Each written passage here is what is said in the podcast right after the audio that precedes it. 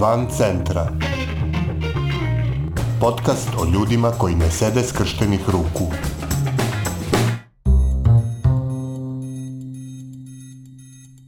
Vi slušate 62. epizodu podcasta Van centra, koji prati napore ljudi iz cele Srbije da poboljšaju kvalitet života u svojim sredinama.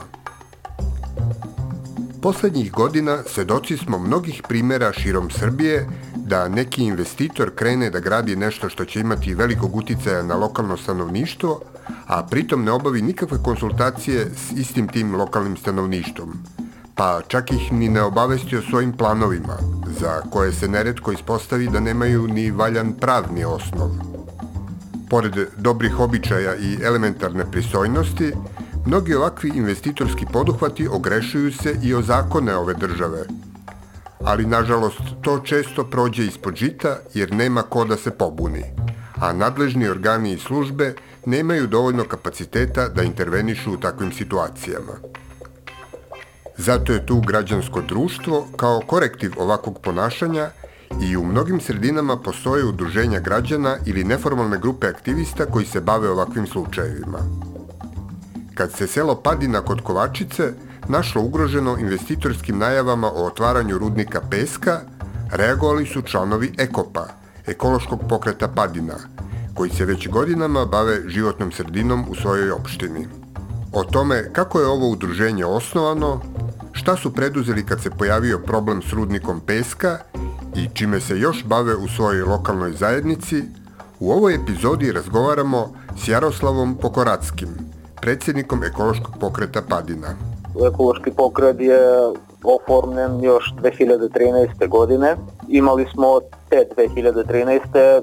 neke slučajeve da se naprave neke, neke stvari. To je bila priča u stvari u vezi staze zdravlja koja se proteže ulicom Gornja dolina koja seče padinu na pola. To je dolina koja je celom dužinom padine i koja je pošumljena tako da tu je bilo nekih indicija da će da se seče ta šuma i da će da se napravi neka nepopravljiva šteta. I tu smo se odlučili jednostavno, videli smo stvari da ne možemo kao fizička lica da, da stanemo na put tome i to je rezultiralo ovaj, da, da se skupimo i da napravimo ekološki pokret. To je, to je neki početak, a od tad smo imali dosta akcija što se tiče prvih par godina smo više manje radili neko manje pošumljavanje i naseljenog mesta i oboda samog sela, ali smo jednostavno shvatili da bez neke planske akcije, bez nekog konkretnog papirološki, da tako kažemo, potkrepljenog plana same sadnje, ne možemo tu mnogo da uradimo zato što je najlakše da se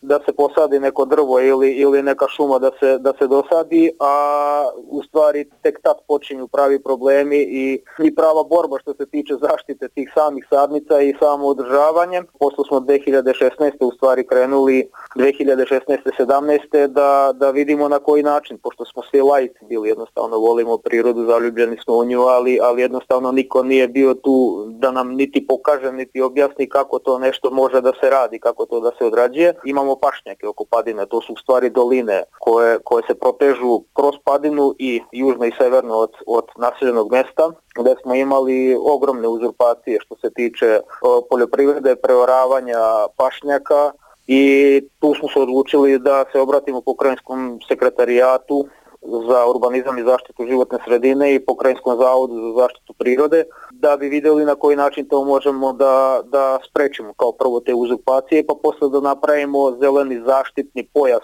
od uticaja ratarskih u stvari radnji na sam pašnjak i tu smo zajedno sa njima sprečili to uzurpaciju, posadili smo taj, taj zaštitni pojas i vratili smo pašnjak u, da tako kažem, probitno stanje. Krenuli smo 2017. 18.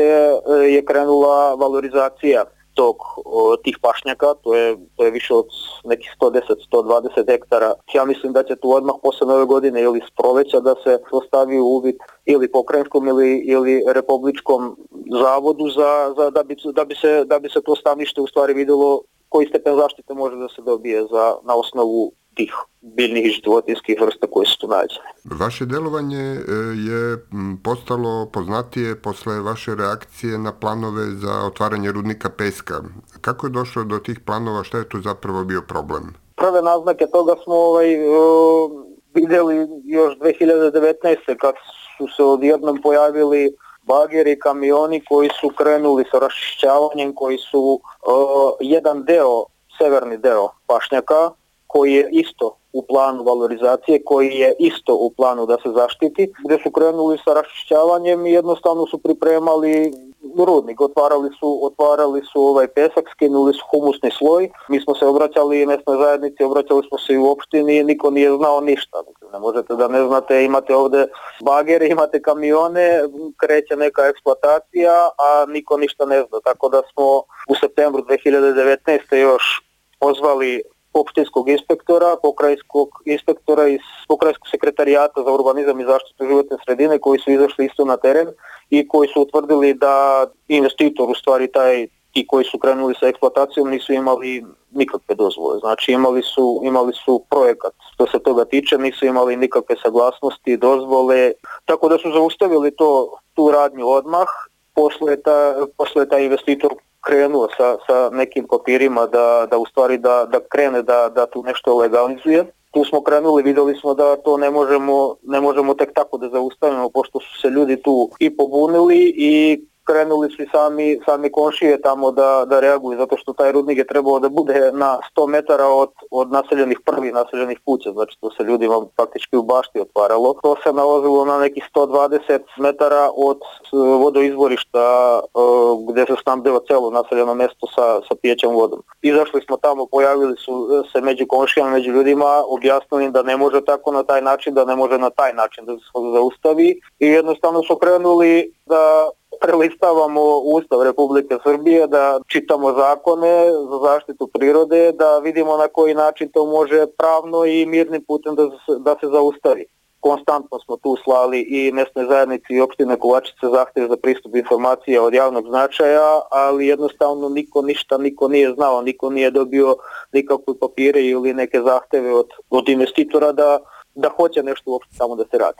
Ali jednostavno videli smo da tu možda i nemamo neke kapacitete što se što se same te pravne borbe tiče, tako da smo bili kontaktirani od uh, udruženja RERI sa, na čelu sa Mirkom Popovićem i Stefanom Petrovićem, gde su i zajedno oni su sa crtom nama izašli u susret, preko njih smo dobili pravnu pomoć i naravno smernice i, i na koji način to uopšte može, može na pravni način da se, da se zaustavi. Kad ste krenuli u proceduru, e, kako je to izgledalo? Je li išlo e, lakše ili teže nego što ste očekivali? Procedura kao procedura i zakoni koje smo mi čitali i videli nisu uopšte loše možda i napisani. Samo što je tu problem što ne postoji institucija, ne postoji sistem koji, koji to sprovodi nema kontrole jednostavno i ako prijavite neke radnje nema ko da sprovodi dalje, znači to što se i dešava uglavnom i u, u, u celoj Srbiji. Mi smo zahtevali od mesne zajednice da se izjasni i u stvari smo prikupili potpise i zakazali smo tražili smo zbor građana naravno da bi oni izašli ispred naroda i da kažu o čemu se radi konkretno zato što to je najgore kad nagađate kad niko ništa ne zna. U oktobru se pojavilo u nedeljniku u nedeljniku u novinama obaveštenje od pokrajinskog sekretarijata za urbanizam i zaštitu životne sredine e, da je investitor podneo zahtev za odlučivanje o potrebi izrade studije o proceni uticaja rudnika na životnu sredinu. Pošto je tu i naravno izvorište vode i, i, i samo selo je tu u neposrednoj blizini. U novembru smo imali taj zbor građana koji je bio više manje da tako kažem, pranje ruku i, i mesne zajednice i, i, i nekih ponuda od investitora koji je obećavao da će svašta da uradi, samo da ne bi morao da gubi vreme sa, sa tom studijom o uticaju, ali jednostavno mi smo od upadini, mislim, ne, nemamo, nemamo kut, jednostavno ne, nemamo niko u planu da se sad nešto iseljavamo ili, ili da odlazimo odavde, a sad da rizikujemo izvorište vode zarad nekih privatnih radnji, mislim da je to stvarno nema nema šta da se kaže više o tome. Znači to je, kako se shvaća, neki novembar, decembar 2020. ili tako? U novembru smo, konačno je zorganizovan zbor građana od strane mesne zajednice gde se pojavila zastupni, u stvari predstavnici mesne zajednice Padina, gde se tu pojavio i uh, investitor mesna zajednica se izjasnila da nema apsolutno ništa sa, sa time. Investitor je tu ponudio neke, neke opcije, nešto da, da samo ne mora studiju uticaju da, da izrađuje na što naravno ni građani ni članovi Ekopa nisu pristali i insistirali su na tome.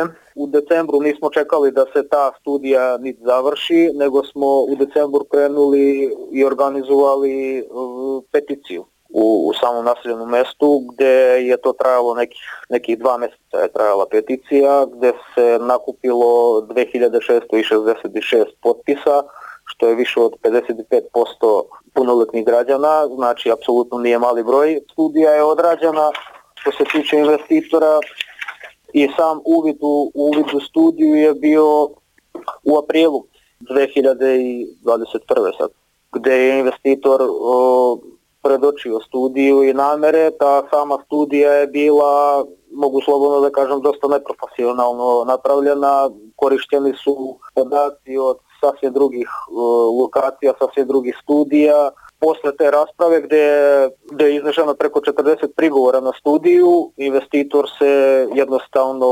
povukao i odustao od, od same izrade rudnika. Što se tiče ove parcele gdje je trebao da bude sam rudnik, ona je vraćena, ona je u stvari kupljena od strane poljoprivrednika, oni su, oni su u parcelu tu kupili od njega i e, sa njima na, na toj parceli na, sad krećemo sa nekim sljedećim projektom što se tiče e, što se tiče vetrozaštitnog pojasa za padinu, ali sam taj rudnik koji je tamo bio i koji je ovdje trebao da bude u planu, to je trajalo tri mjeseca. Ti kamioni su prolazili kroz, kroz padinu i naravno vidjeli su i ljudi i vidjeli su šta to znači i kako izgleda kad vam kamioni prolaze tri mjeseca kroz naseljeno mjesto. Padina se gušila tad u prašini. To da je padina dozvolila ili da, da, da, da nismo ustali protiv toga jednostavno padina bi bila mm, rudarsko naselje slobodno možemo tako da kažemo jednostavno.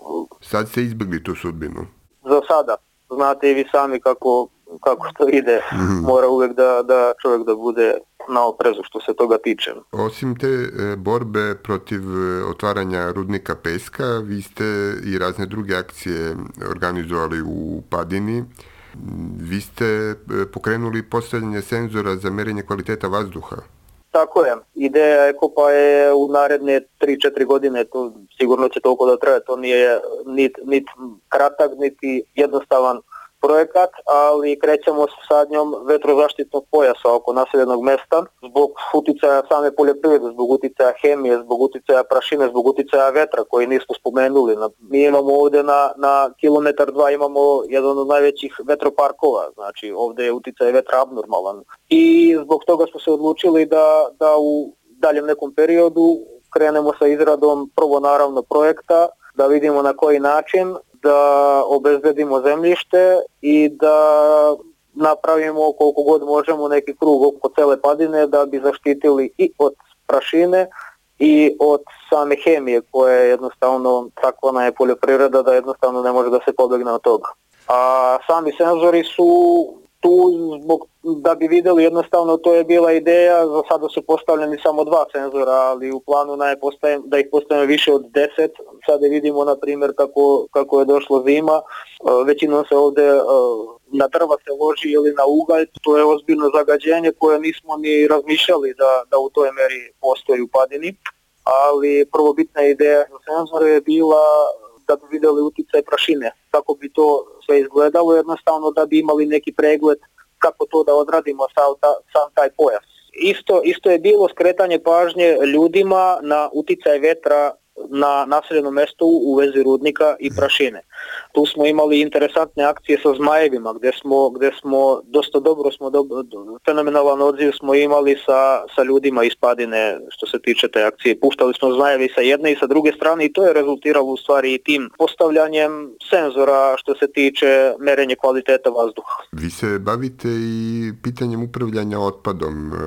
Kakve ste tu akcije organizovali? Bavimo se upravljanjem otpadom, ali faktički u stvari podržavamo, pošto je tu osnovna škola, ima fenomenalne akcije sakupljanja papira i sakupljanja staklene ambalaže gdje to podržavamo i naravno da to treba još da zaživi zato što je to jednostavno nekako mislimo budućnost svega ovoga kao i celoj Srbiji i mi imamo problem i nelegalnih deponija, u stvari to su smetlišta koja se bez plana odlaže i plastika i staklo i sve kome nešto ne treba, baca se na, na, na takva mesta i mora da se krene nekako od škole, od, od najmlađih da tako kažem, da bi, da bi se to polako promenilo. Dakle, vi se bavite onako prilično širokim spektrom e, pitanja iz ekologije, od e, kvaliteta e, vazduha, vode, e, upravljanja otpadom, biodiverziteta, imali još nešto što nismo pokrili, što nismo pomenuli?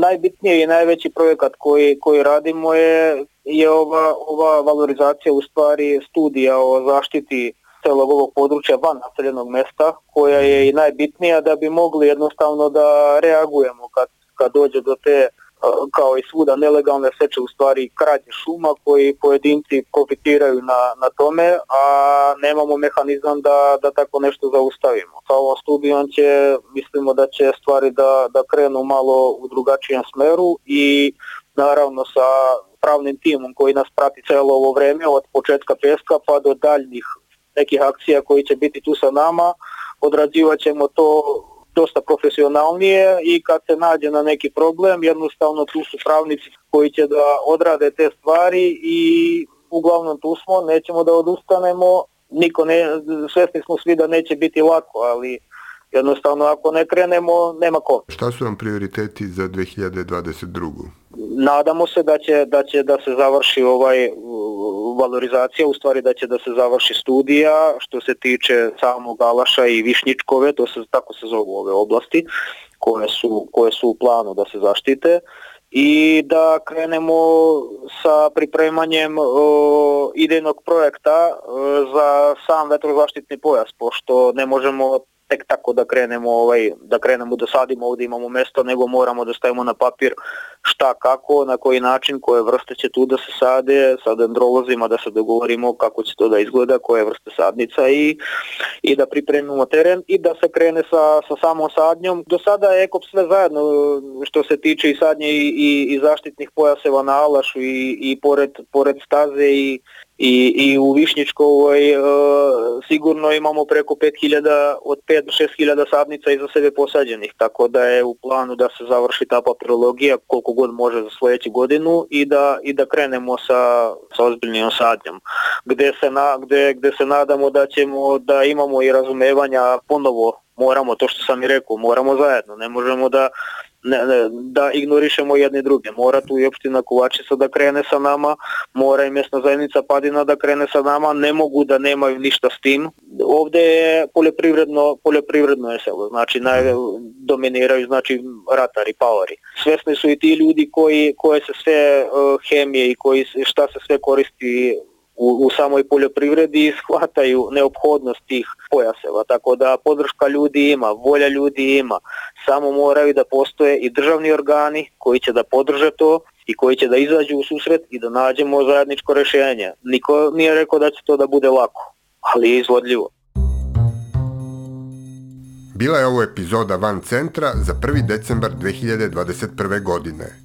Nove priče o ljudima koji ne sede skrštenih ruku moći ćete da čujete u sredu 8. decembra. A umeđu vremenu, pridržavajte se mera zaštite od koronavirusa, čuvajte svoj i tuđe živote i ne ćutite pred glupošću i nepravdom.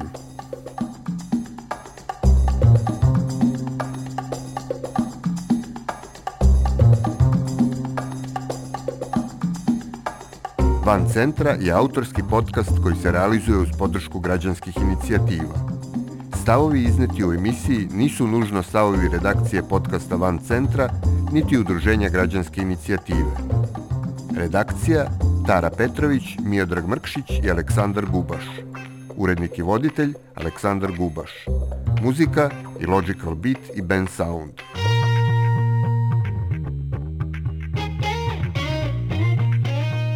Van centra.